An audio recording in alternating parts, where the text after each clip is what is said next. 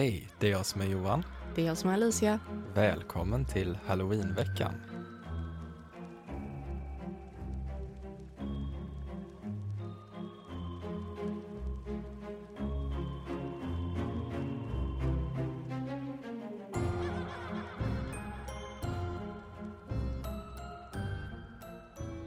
Välkommen till dag ett på halloweenveckan. Ja. Och vi kommer ju släppa ett avsnitt varje dag nu denna veckan. Ja, gud, vi har massa roliga ämnen helt bunkrade nu Mm. inför den här veckan. Och det kommer avslutas den 31 i tionde. Exakt. Yes, då kommer ett litet specialavsnitt där. Ja, det gör det. Ja. Ja, och idag, vad ska vi prata om då? Idag ska vi prata om vampyrer. Ja, det här är ju ett avsnitt som har blivit efterfrågat sedan vi började podden för över ett år sedan. Ja, vi pratade ju om varulvar typ vid den här tiden förra året. Ja, Och eh, de är ju inte helt olika, vampyrerna. Just när det kommer till vissa saker. alltså?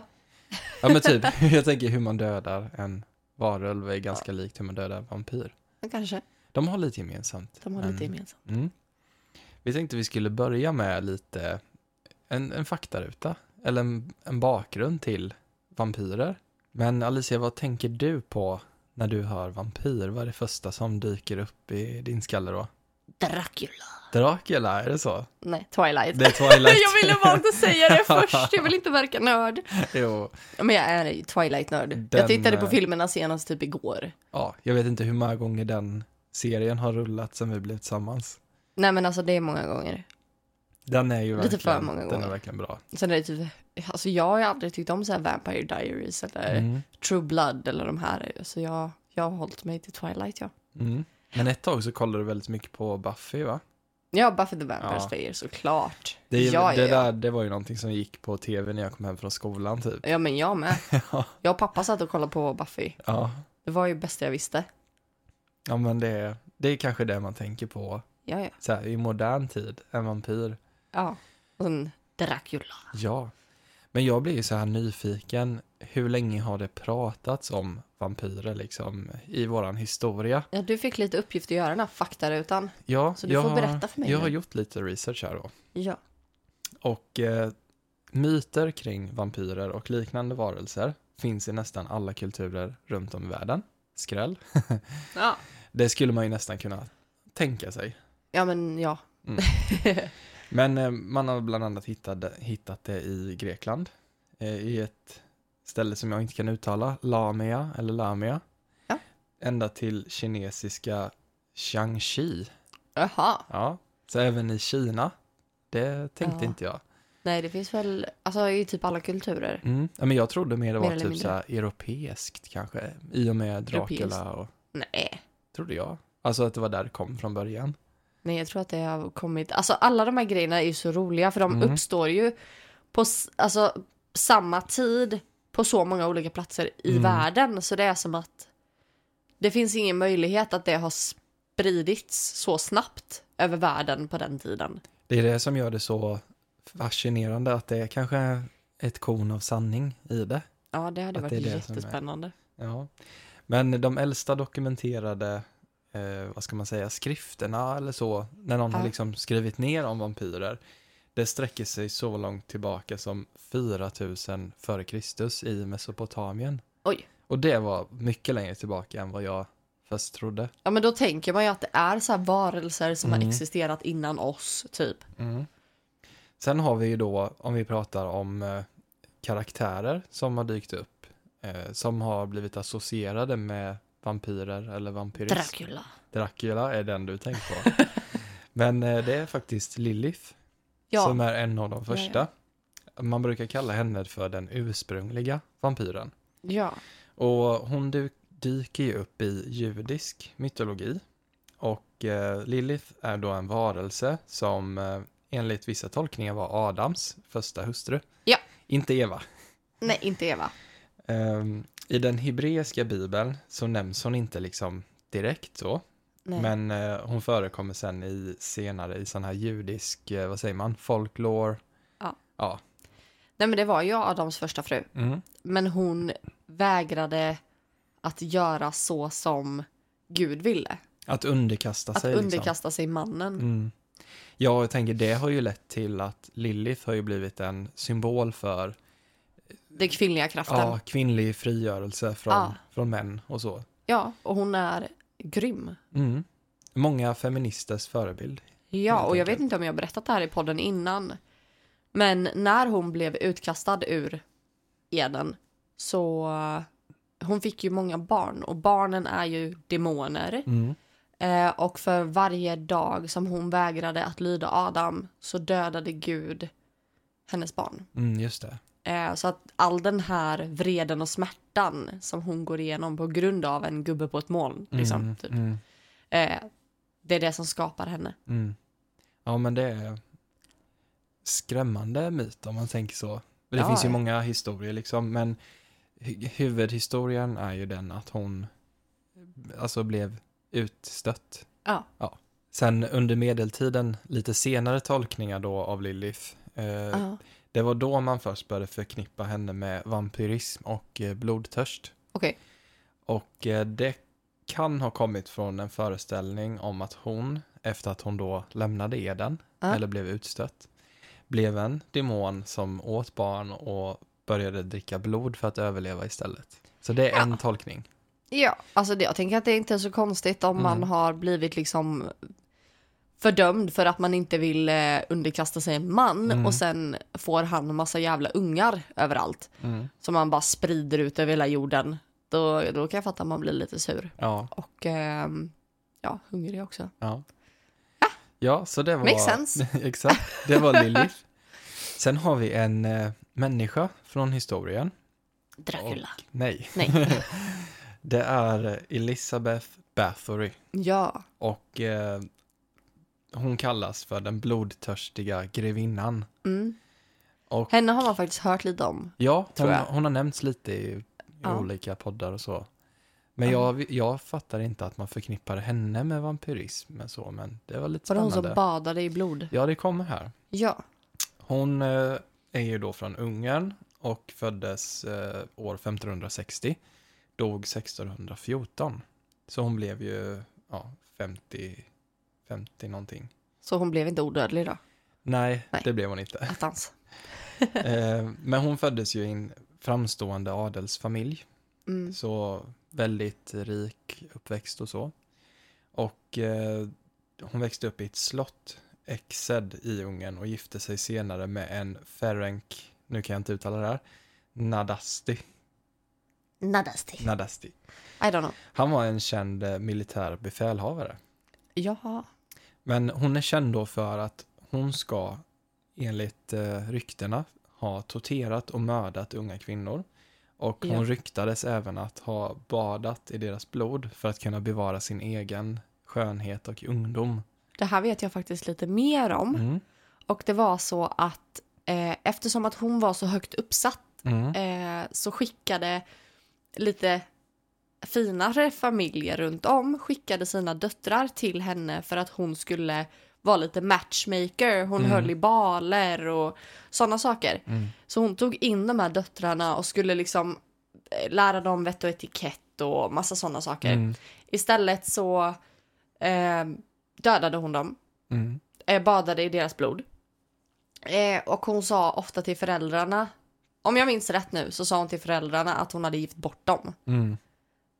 Att de inte visste var de tog vägen liksom. Exakt. Mm. Och jag tror även det här är lite kopplat till jag kan tänka mig att det är ungefär lite så här de har tagit inspiration från henne Mm. i American Horror Story Coven. Exakt, exakt, jag tänkte det på det med. Ja, den här Ja. med häxorna, Coven Mm. heter den ju. Eh, för där är det ju en kvinna som torterar slavar. Eh, hon målar ju alltid sitt ansikte med blod. Mm. Så för att det ska hålla huden stram och ung Mm. och fräsch. Och, Men hon får ju en sån här blodtörst liksom. Ja, Madame Lalaurie, eller vad heter hon?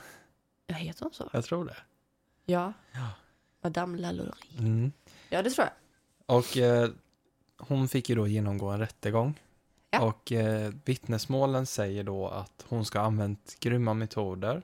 Eh, tortyrmetoder Ja, då. hon var inte snäll alltså. Nej, som användes mot de här offren då, de här unga tjejerna. Och det ska då ha varit piskning, bränning och eh, till och med att skära av delar av deras kroppar när de levde. Ja, det här eh, har jag förträngt, vet Mm. jag. För jag tyckte att det var så hemskt, det var fler saker än Mm, det där. ja, det ja, var ja. väldigt mycket värre saker Det här än det. är bara tippen av isberget. Men vi var- ska inte djupa Nej, vi tar inte upp det i den här Nej. podden känner jag, för det är lite för grovt. Men Ja. jag kommer inte ens ihåg, för jag har nog förträngt det för att det var så hemskt. Mm. Jo, men verkligen. Mm. Och ehm, man anser då att hon också blev en föregångare till den här vampyrmyten. Ja. Eh, sen var det många som, det finns teorier då, som säger att hon inte alls gjorde detta, men att hon var någon, på denna tiden var det ovanligt att en kvinna var så högt uppsatt. Och att Ja. man har fört en smutskastningskampanj mot henne och att hon inte Ja. alls hade gjort det här. Så det finns lite skilda teorier. Vad hände med henne då? Eh, jo, hon blev ju dömd, men hon blev inte dömd till döden, utan hon blev väl inspärrad i sitt hem tills hon dog. Så Ja. tror jag det var. Det var det, hon fick ju sitta i fängelse hemma hos sig själv. Mm, exakt. Egentligen. Ja. Husarrest liksom. Så hon blev ju inte hängd eller så, som man kan tänka sig Nej. att de gjorde på den tiden. Men sen sägs det ju också att hon inte dog. mm, Utan att hon eh, försvann. mm. Eh, och att hon fortfarande finns. Det spär ju på den här Ja, myten lite. det spär verkligen på Mm. myten. Nästa karaktär här som jag vill ta upp, det Ja. är John Polidori. Polidori. Och han hade jag inte hört talas om alls innan. Men han är den första skönlitterära vampyrförfattaren i historien. Ah. Ja. Okej. Ja. Han föddes den 7 september 1795 i London. Och han var då son till italienska immigranter och växte upp i en väldigt kulturellt rik miljö Ja. i England. Kulturell. Kulturellt. ja. Nej, men mycket konstnärligt och mm, musik och sådär. Han studerade sen vid Edinburgh University. Edinburgh. Är det inte så man säger? Edinburgh.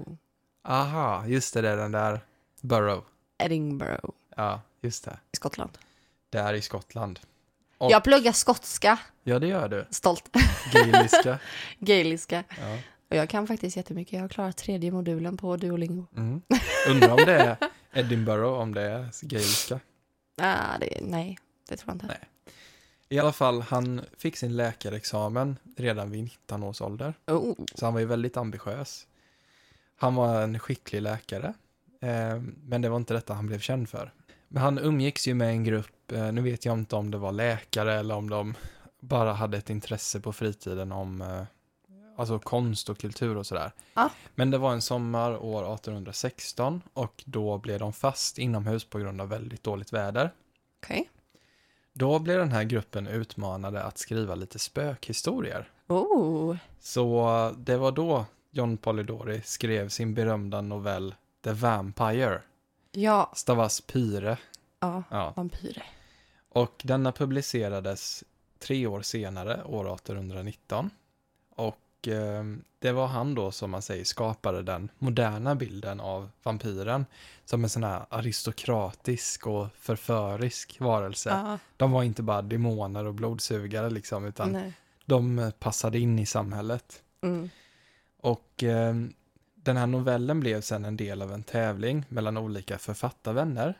Och eh, de här vännerna inkluderade även Mary Shelley, Ja, hon som skrev Frankenstein. Frankenstein. Ja. Mm.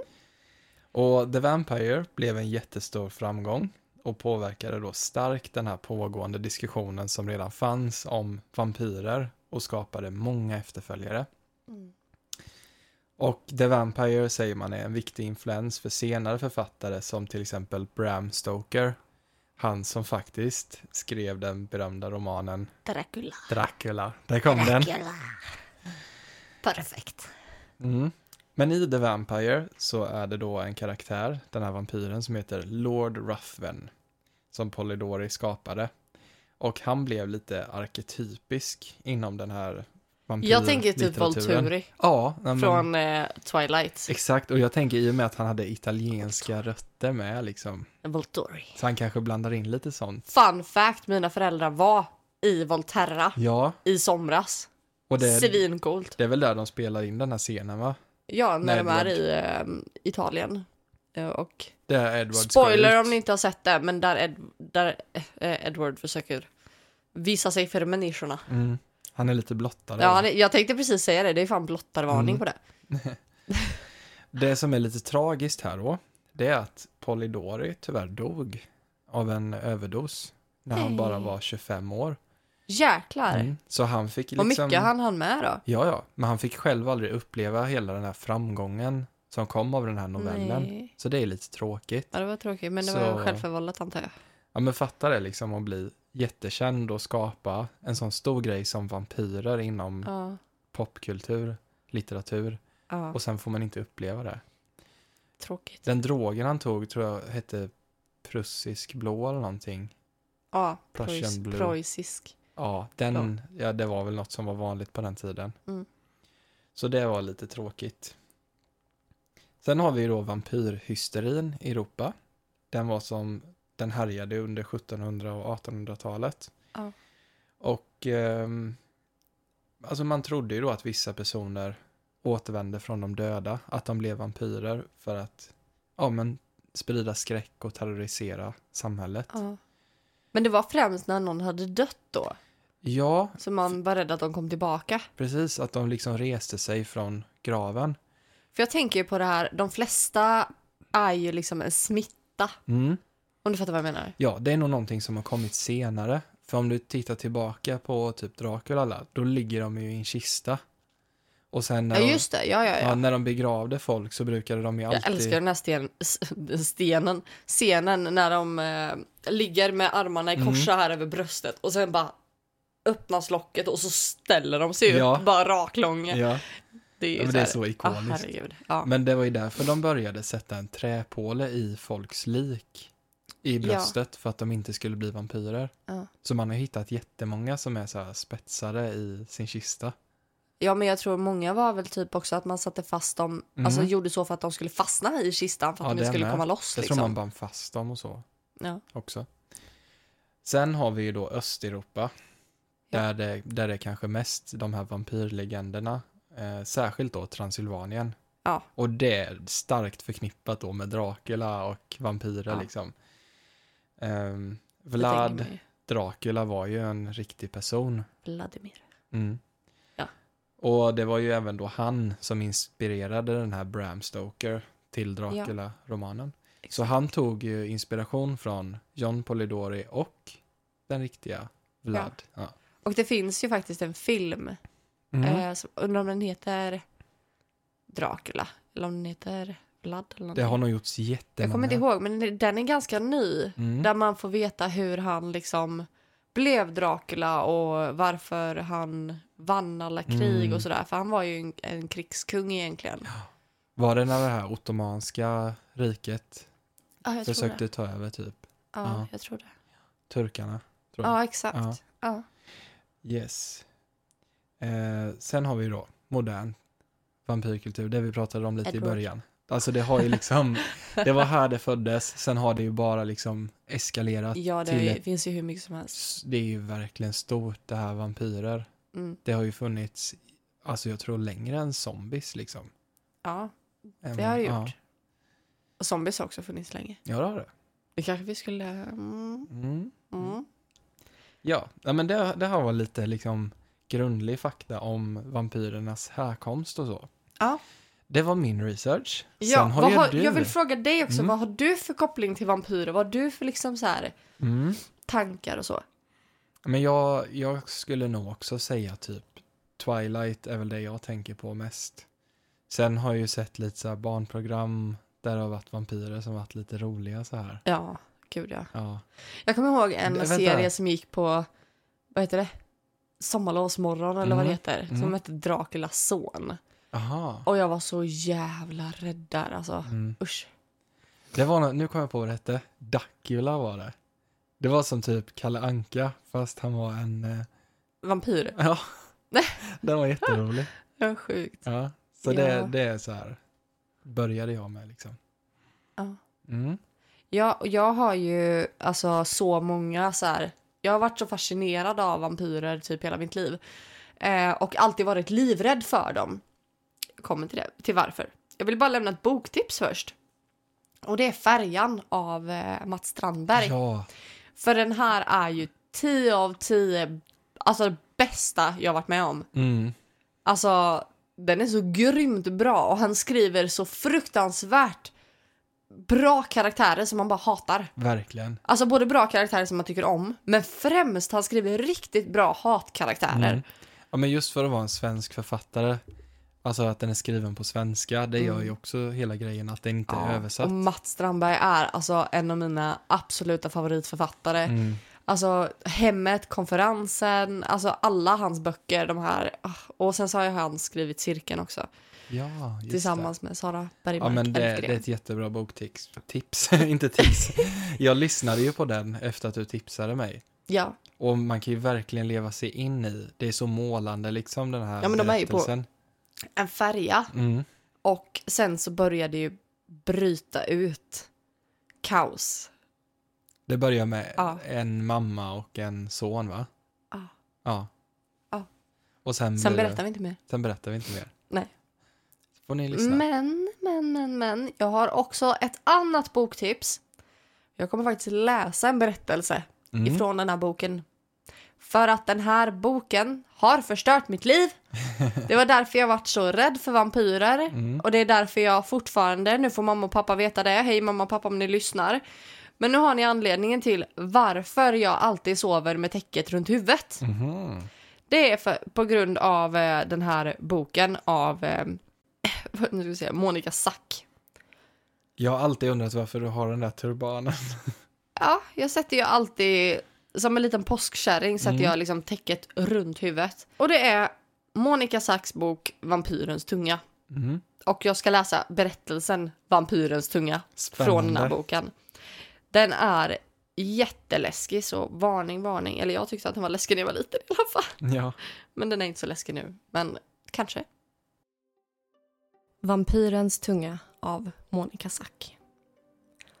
José hette en pojke som just hade gått ut nian. Landet han bodde i heter Filippinerna och ligger i Asien. José ville fortsätta i skolan, men där han bodde fanns inget gymnasium.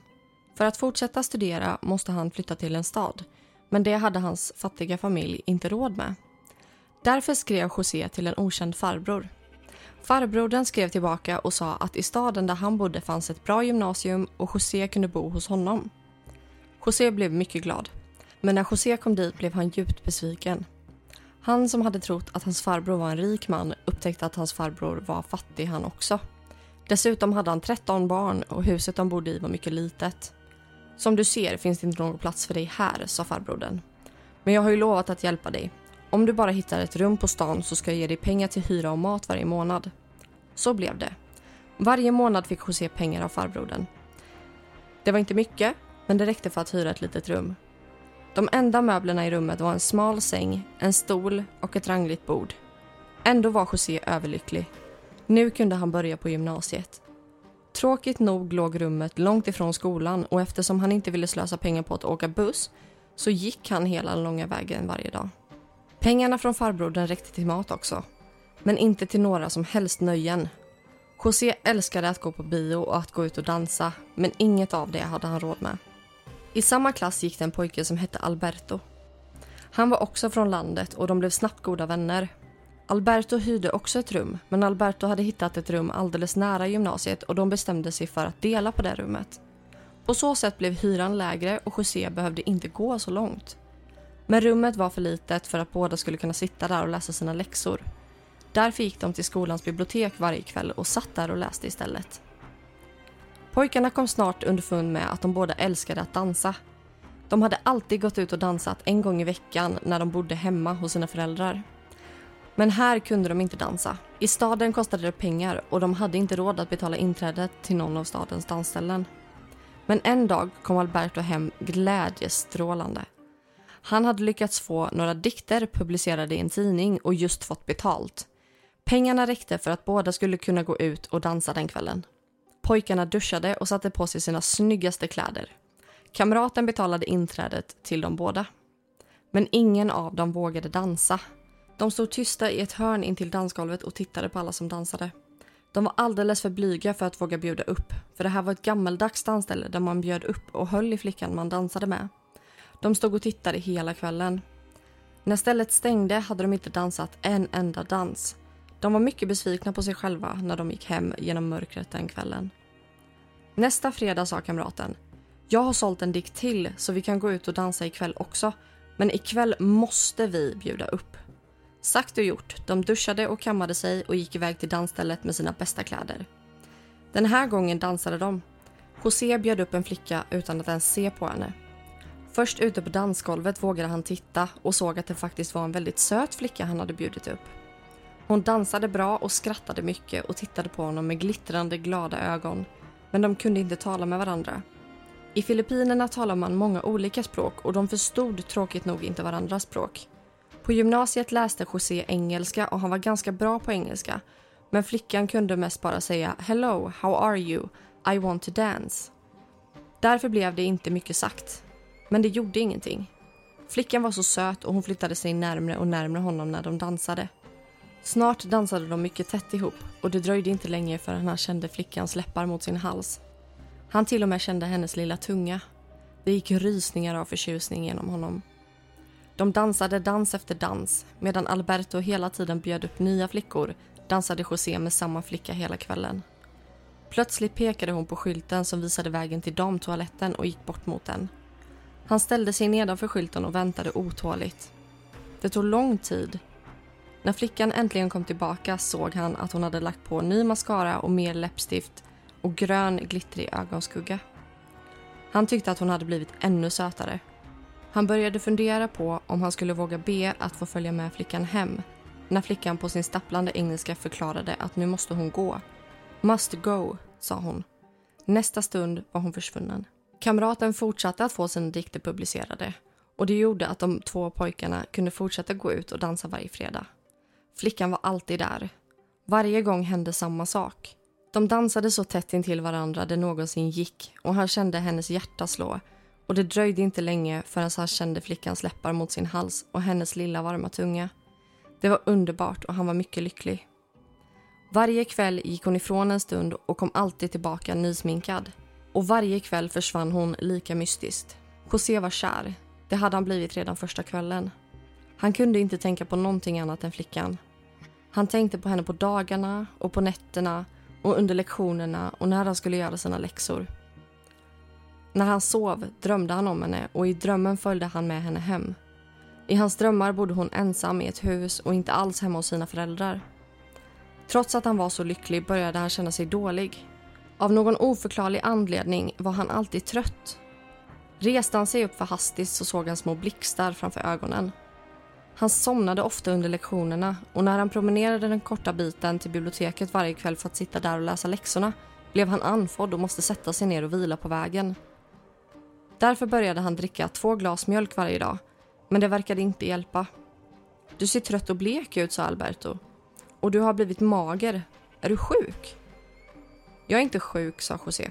Jag är bara kär. Den unge poeten tyckte att han skulle pigga upp sin kamrat så en dag bjöd han honom på bio. Filmen handlade om Dracula, den döde greven från Transylvanien. Han låg begravd i ett slott men en gång i veckan vaknade han till liv. Fick vingar och långa tänder. Han tog sig in i folks sovrum och högg dem i halsen med de där långa tänderna och sög blod ur dem. Efteråt flög greve Dracula tillbaka till slottet och kröp ner i kistan och såg död ut. Men veckan därpå vaknade han till liv igen och gav sig ut på en ny expedition. Båda pojkarna blev uppskakade. De sa inte mycket på hemvägen. Visst hade de hört talas om vampyrer hemma i sina byar. Men när de såg vampyren på film blev det plötsligt så verkligt. Dagen därpå gick de till biblioteket och slog upp ordet vampyr i ett lexikon. Där stod det att föreställningen om att det finns vampyrer är mest utbredd på Balkan. Under medeltiden lät till och med präster öppna upp vissa misstänkta gravar. Om de såg att den döda bara såg ut att sova förstod man att det var en vampyr. För att hindra vampyren från att vakna till liv körde man ett svärd eller en påle genom hjärtat på den döda. Nästa fredag var pojkarna tillbaka på sitt vanliga dansställe. José såg att flickan redan var där. Han bjöd upp och de dansade och som vanligt höll flickan sin mun mot hans hals. När han kände hennes tunga mot sin hud kändes det i hela kroppen. Det här hade han längtat efter hela veckan. Men nu hade han bestämt sig för att ikväll skulle han bli närmare bekant med henne. Därför frågade han vad hon hette, men hon skakade bara på huvudet. När han frågade var hon bodde svarade hon inte alls. Därför smög han efter henne när hon gick bort till damtoaletten. Han tyckte att det var lite pinsamt att gå bort till damernas toalett, men idag skulle han ta reda på allt om sin stora kärlek. Till sin förvåning såg han att flickan inte alls gick in på toaletten Istället gick hon förbi dörren. och ut på baksidan av dansstället. José gick efter. Flickan gick snabbt in i en smal gränd, rundade ett hörn och gick fram till ett hus. Hon tog fram en nyckel ur sin väska och låste upp och försvann in.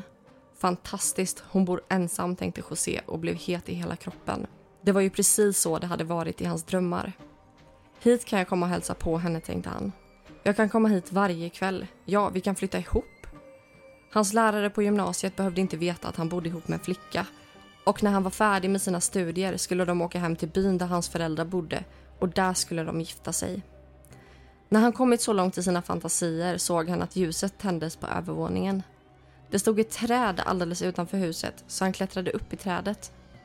Från trädkronan kunde han se rätt in i flickans sovrum. Han såg henne alldeles tydligt nu och hans hjärta började banka. Han såg att hon gick fram till en spegel. Med stigande förtjusning såg han att hon kammade sig, satte på nytt läppstift och mer mascara. Och han tänkte att det där gör hon för min skull. Hon är säkert kär i mig också. Ikväll ska jag följa med henne hem. När flickan hade sminkat sig färdigt granskade hon sig själv i spegeln så där som hans systrar hemma i byn brukade göra. Men då inträffade något fullkomligt oväntat och mycket skrämmande. Flickan öppnade munnen och sträckte ut tungan. Men det var ingen vanlig tunga. Den blev längre och längre. Den var smal och säkert en meter lång. Och längst ut såg han att det glimmade som av metall. Längst ut på tungspetsen satt en smal nål. Med fasa såg han hur flickan rullade ihop tungan, stängde munnen och la på lite mer rosa läppstift. Sen vände hon sig i profil och tittade i spegeln en gång till. Och en gång till såg han hur hon rullade ut sin långa, smala, skräckinjagande tunga. När flickan släckte ljuset och började gå ner för trappan förstod José att hon som vanligt skulle gå tillbaka till dansen. Och han visste att hon skulle lägga läpparna mot hans hals. Han började darra. Han tumlade ner från trädet. Han kallsvettades nu och han kände att han var mycket, mycket svag. Det var knappast att benen bar honom. Jag måste härifrån, tänkte han. Men han kunde inte springa, han var så otroligt trött. Han kände sig som att han var en hundraårig gubbe. Ändå försökte han. Han sprang tungt och mycket långsamt. Gång på gång vred han på huvudet och hela tiden for tankarna genom hans uppskrämda hjärna. Hon får inte komma ifatt mig, hon får inte komma ifatt mig. Hon försöker ju döda mig. Andfådd och svettig snubblade han in på dansstället och sa till sin kamrat. Jag känner mig dålig, jag måste gå hem. Nästa fredag ville han inte följa med till dansstället men han förklarade aldrig för sin kamrat varför han plötsligt slutade dansa. Om sanningen ska fram dansade han aldrig mer. Det var först när han blivit vuxen och fått två egna söner som ville ha pengar för att gå på disco som han berättade den här historien. Han slutade alltid med att säga att speciellt ska ni akta er för söta flickor som håller läpparna mot era halsar. För de kan vara vampyrer.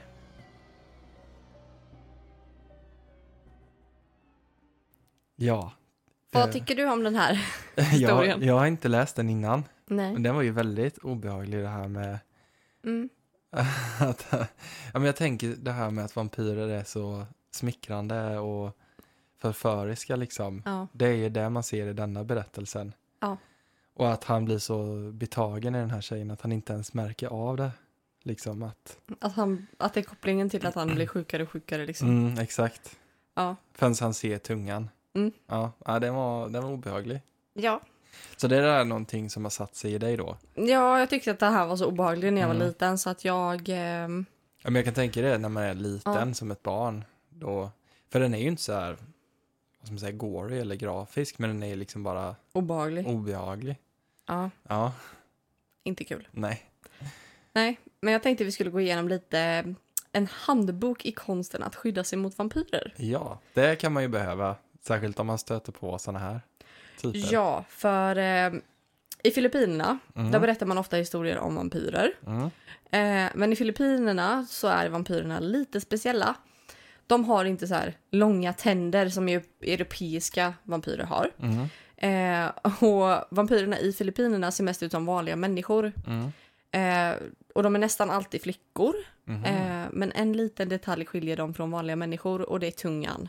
Som i denna berättelsen. Exakt. Mm. Den är oerhört lång och smal och Mm. ihålig. Mm. Och längst ut så sitter en nål Jag kan tänka mig som en... som eh, spetsen på en spruta.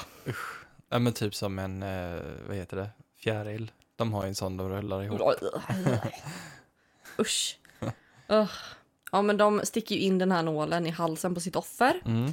Eh, och de kan sticka in i blod, blodåder, vad som helst på kroppen egentligen. Mm. Eh, och ofta så märker man ingenting men man blir svagare och svagare Mm. precis som det blir För för den den här så- killen. Är det för att den är så tunn eller? Mm. Att man inte ens känner att det... Ja man känner inte. Mm. Ja, och de här kallas ofta, för nu ska vi se om jag kan uttala här.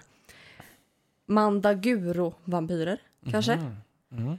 Eh, och de här flickvampyrerna kan sätta sig på taket till ett hus, sticka ner tungan genom ett hål i taket. Ja. Därav att jag låg med liksom täcket runt hela kroppen över huvudet. Ja. Nu förstår du varför min skräck liksom existerar. Men jag antar också att de är ute efter killar, så jag, Mm. jag hoppas på det i alla fall. Men det där täcket lär ju inte skydda den där nålen ändå. Jo, jag hoppas det. Jo, Jag hoppas det. jag alltid hoppas. Men den här tungan kan ju alltså bli flera meter lång. Ja. Och de kan också sticka in tungan genom ett öppet fönster. Ja. Eh, så därför är det inte bra att ha öppet fönster på natten. Mm. Och man ska helst sova i mitten av rummet. Så att inte tungan ska nå, liksom. Exakt, den har inte Ja. lika stor chans att nå i alla fall. Men man är ju fortfarande inte säker. Nej. Så himla obehagligt. Ja. Eh, men det finns ju som tur ett säkert sätt att bli av med en vampyr. Mm. Och det här kommer också en liten side story här. Eh, men den här historien brukar man ju berätta för att lära ut det enda riktiga sättet för att göra slut på en mand... Mandarugo Mm. vampyr. Mm. Mandarugo, Ja. tror jag. Eh, och den här berättelsen handlar om en ung man som åkte in till en stad och där träffade han en flicka. Han tog med henne tillbaka till sin hemby och gifte sig med henne. Mm. Eh, och hon var både söt och trevlig. Eh, men hennes man blev bara blekare och blekare och svagare och svagare och till slut så dog han. Mm. Men flickan, hon gifte om sig med en annan man. Eh, och han blev också svagare och svagare, sjukare och sjukare och dog inom ett år. Mm. Eh, och sen så friade en tredje ung man. Och eftersom han misstänkte att hon kanske var en vampyr så la han en smal bambukäpp vid sängen eh, under bröllopsnatten. Mm. Och han somnade, men han vaknade av att någonting stack honom på halsen. Mm. Och det var kolmörkt i rummet, eh, men han kände att han hade något tungt på bröstet. Alltså det här är så obehagligt så jag... Mm. Eh, men det var som att någon satt på honom. Mm. Så han sträckte ut handen, eh, fick tag i bambukäppen och stötte den i varelsen som han kände satt på hans bröst. Mm. Eh, just då tittade fullmånen fram och en svag ljusstrimma föll in i rummet. I ljusstrimman såg han att det satt en fruktansvärt ful varelse på hans bröst. Mm. Jag stammar för att jag tycker att det är obehagligt. Den vecklade ut ett par svarta vingar och flög ut genom fönstret under ilskna skrik. Mm. På morgonen hittade man den eh, unga bruden liggandes död på gården. Hon var genomborrad av en bambukäpp. Ah. Alltså så att... Eh, Så de är lite, alltså att de skiftar form då med. mm, för här Mm. kommer en ännu farligare vampyrsort här. Eh, och den här eh, har tydligen många olika namn i Filippinerna. Men ett av namnen är Aswang. Det har jag faktiskt hört innan. Har du talat om den? Ja. Mm. Mm. Eh, men den här vampyren har också en lång smal tunga som den kan rulla ihop och gömma in i munnen. Mm. Eh, men den suger inte blod. Mhm. Den här suger ut hjärnsubstans, hjärtat, njurarna och levern. Nej, fy. Ja, så äckligt. Eh, den som har oturen att råka ut för en aswang dör alltid samma natt. Mhm. Men de här vampyrerna ser ut som vanliga kvinnor på dagarna. Men Mm. på nätterna så trillar armarna av Mm. och istället så växer det ut vingar. Mm. De tar också loss den nedre delen av kroppen från midjan och neråt. Och den delen lämnar de alltid kvar i huset. Okej. Men resten, av, men resten av monstret flyger iväg och slår sig ner på något tak. Mm. Och där sitter de sen och spejar efter ett lämpligt offer. Mm. Och sen folk som bor på landet i Filippinerna berättar ofta om såna här vampyrhistorier. Mm. Och här kommer vi till liksom knep för den som vill skydda sig mot vampyrer. Mm. Och då står det så här att folk som bor på landet, de brukar sova med lakanet över huvudet trots att det är fruktansvärt hett där. Det var det du fick det ifrån. Ja, Ja. Fattar att jag fortfarande gör det här än idag för att jag är så skärrad från den här historien. Ett litet barn som läser det här Ja. liksom, och det sitter i en. Och det är ju en barnbok. Ja, man kunde låna den typ på skolbibblan. Ja, jag lånar den på skolbiblioteket. Ja. Du kan ju gå dit och kolla. Den finns säkert kvar. Fun fact, Johan jobbar ju på skolan som jag gick på dag, eller Ja. som jag gick på när jag var liten. Jag tror säkert att det är många böcker kvar där sen Ja, det gick. tror jag med. Det tror jag med. Men det här gör man alltså för att det anses eh, att om man sover med ett lakan som täcker både kropp och huvud kan vampyren inte se en. Mhm, det är därför. Det ska inte liksom Ja. skydda tungan. Alltså skydda dig från själva tungan. Utan Nej, det är som, de en, ser det inte då. som en osynlighetsmantel. Exakt. Så därför ska man alltid ha täcket runt kroppen. Man ser bara din lilla näsa ibland. Ja. för att du ska kunna andas. ja. Nej, det är inte kul alltså. Det, det är tragiskt. Mm. Stackars mig. Men det finns ju flera saker som håller eh, vampyrerna borta. Mhm. Och det är knivar, Mhm. eld, salt, vitlök, starka kryddor och stora krabbor. Krabbor? Stora krabbor. Det har jag aldrig hört talas om. Jag antar att de typ Vad ska man, hur ska man göra då? av tungan på dem. Jag vet inte. Ska man sova med en krabba då? Jag vet inte. Nej, det var intressant. Ja. Man har dessutom eh, svansen från en stingrocka i huset. Så då slipper man definitivt vampyrbesök. Jag vet inte varför. De kanske är vanliga i Filippinerna. Men Ja. man hittar ju inte några svansar från stingrockor här i Sverige som ligger Jag lovar att om jag åker på utlandssemester semester så får ni beställa en av mig. Ja. Då ska jag hitta massa svansar. Nej, det är hemskt. Mm.